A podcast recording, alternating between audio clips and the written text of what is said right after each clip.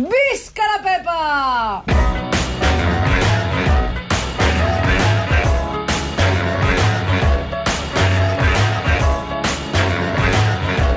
El Centre d'Oftalmologia Barraquer t'ofereix aquest espai.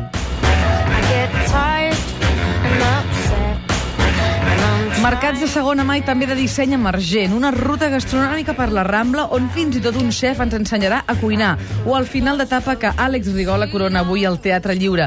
Aquestes són les propostes per avui de la Pepa Ferrer, que venen acompanyades de música polèmica, la dels Arctic Monkeys. I tan polèmica. Com sona el seu últim treball? Per què ha estat polèmic? Doncs mira, ara no us ho explicaré, haureu d'esperar una mica, perquè abans ens anem de mercat.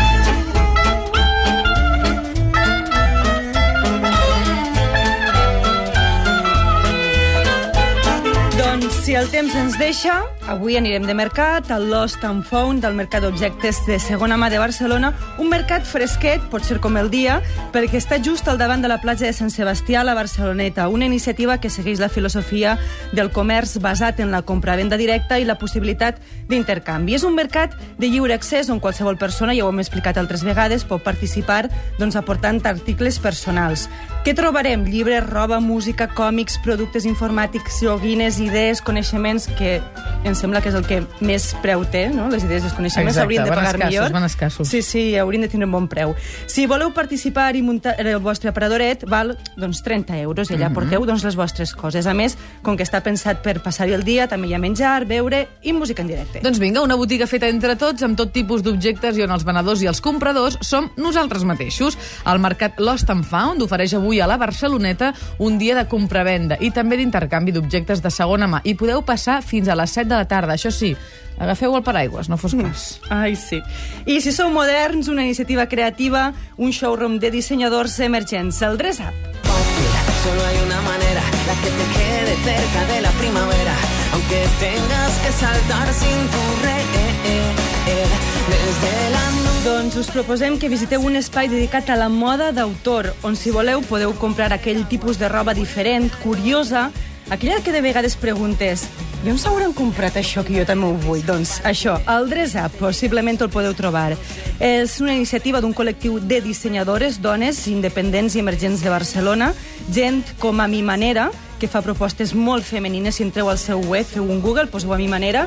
De fet, a tots els webs de la gent que us estem dient, trobareu el que us hem dit. Roba d'aquella que dius, caram, i aquesta gent d'on vesteix? Helena Gallego, també, que és la guanyadora del Modafat, amb propostes més vuitanteres. My Grand Model Sofà.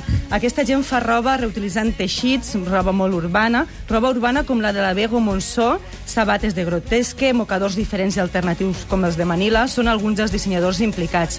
Però a més de moda també hi ha professionals del món audiovisual, músics que amenitzen i dissenyen l'espai, i tot plegat presenten doncs, aquest showroom creatiu que ja va per la quarta edició. I, evidentment, no hi faltaran complements com les joies vintage de la Molin Jolie o els ornaments de, per als cabells de Secreto d'Alcova. Aquest any, un convidat de luxe, aquest segur que es coneixeu, el Sasso Brull. No, Zazo, són molt coneguts, no? Sassa Brull. Aquests sí que ja tenen una mica més uh, d'entitat. Sí, Farem senyora. un Google, com dius tu. Avui, des de les 11 del matí fins a les 9 del vespre, a l'Espace Ample de Barcelona, al carrer Ample, número 5, Dress Up 0.4, ofereix el mostrari de les seves creacions. I si amb tot això encara no m'ha aconseguit que tingueu ganes d'eixir al carrer avui, doncs mira, igual podeu fer-ho demà perquè hi ha una proposta per llepar-se els dits.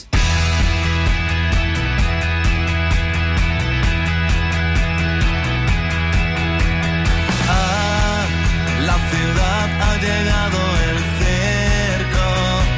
Doncs a partir de demà dilluns i fins al 19 de juny, la Rambla celebra la festa gastronòmica. Mm, L'oferta la coneixem.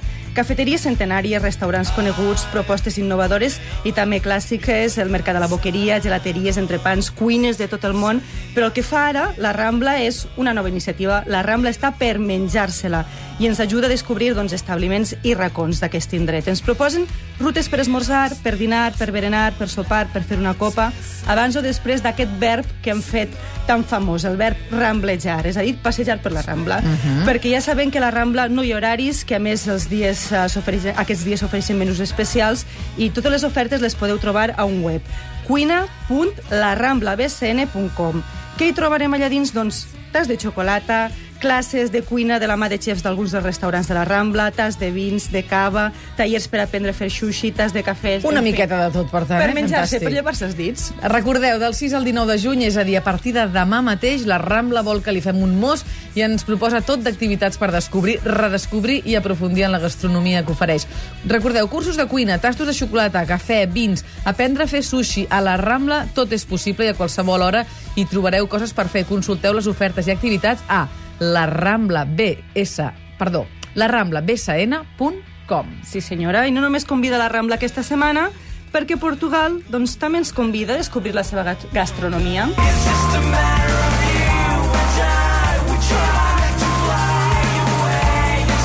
banda d'aquesta sardinada que ens explicava ara fa un moment en Pedro de la casa portuguesa que es farà als Jardinets de Gràcia el dia 11 de juny, o sigui dissabte que ve, N'hi ha, més moltes, coses. n'hi ha moltíssimes coses. La veritat és que és una activitat que repeteix any rere any i jo crec que ja té molts fans, com fans té aquests que esteu escoltant, els de GIF, també una de les bandes més innovadores i modernes portugueses.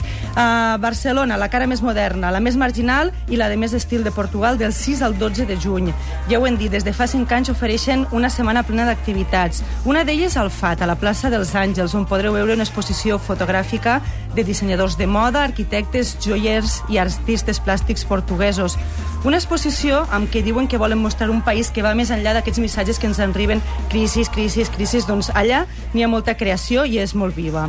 El dijous dia 9, l'escriptor José Gil farà una conferència a la Santa Mònica i a la part més marginal vindrà de la mà del cineasta Pedro Costa, que és qui més i millor ha sabut doncs, retratar el dramatisme de la situació que viuen els menys afavorits a Portugal. Als cinemes Alexandra li dediquen un cicle on podreu veure la seva última pel·lícula Nechans Rian. Del 6 al 12 de juny, Portugal ens convida a conèixer una miqueta més sense moure'ns des de Barcelona. El web és portugalconvida.net, portugalconvida.net, i podreu trobar totes les activitats que proposen, des de fotografia, cinema o, com dèiem, gastronomia. Ho han publicat alguns diaris, el show continua o no, el de Rigola.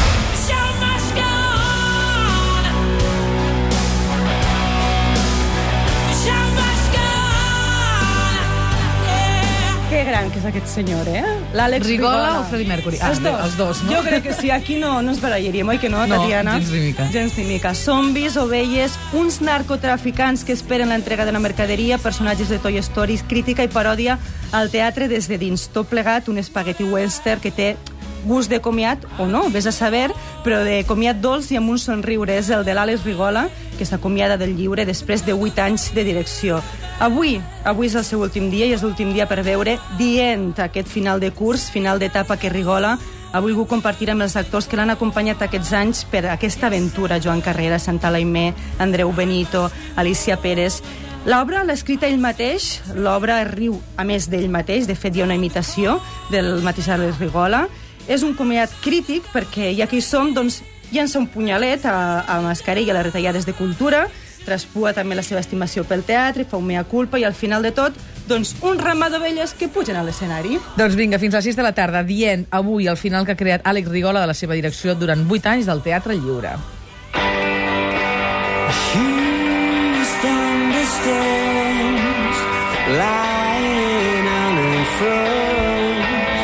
Oh, Ai, això també m'agrada molt. Gràcies per convidar-me cada setmana al suplement i deixar-me posar coses com aquesta. L'últim treball dels Arctic Monkeys que arriba demà a la venda. Suc It and See. Què vol dir això? Doncs escolteu-ho, llepeu-ho, llepeu i veuràs. Això ha tingut molta polèmica als Estats Units. De fet, hi ha establiments que han dit no volem vendre aquest disc. I què han fet ells per solucionar-ho? Doncs han posat una enganxina allà a la portada del disc per tapar una mica, que no siga tan polèmic. I em diràs tu a mi quina polèmica hi ha aquí al darrere? Puritans. Oi que sí? Jo crec que el millor és quedar-nos en la seva música, una música en la que la banda de Sheffield torna doncs, als seus orígens i intenta trobar aquella música que els va fer tan grans i que es va convertir com a- en un fenomen. Gràcies, Pepa. De res. Que vagi molt bé. Adéu. El suplement. Barraquer. La teva visió és la nostra raó de ser. El glaucoma. És una malaltia del nervi òptic relacionada amb la pressió intraocular. Els pacients no solen tenir-ne símptomes fins que estan dins la fase avançada. Per això, són fonamentals les visites periòdiques a l'oftalmòleg, més encara quan hi ha factors que hi predisposen. Entre d'altres, ser més gran de 40 anys, tenir-ne antecedents familiars o estar afectat de miopia, diabetis o hipertensió. Els pilars del tractament són tres, farmacològic, amb làser i quirúrgic. Unitat de glaucoma. Centre d'oftalmologia Barraquer. www.barraquer.com Amb un diagnòstic precoç i som a temps.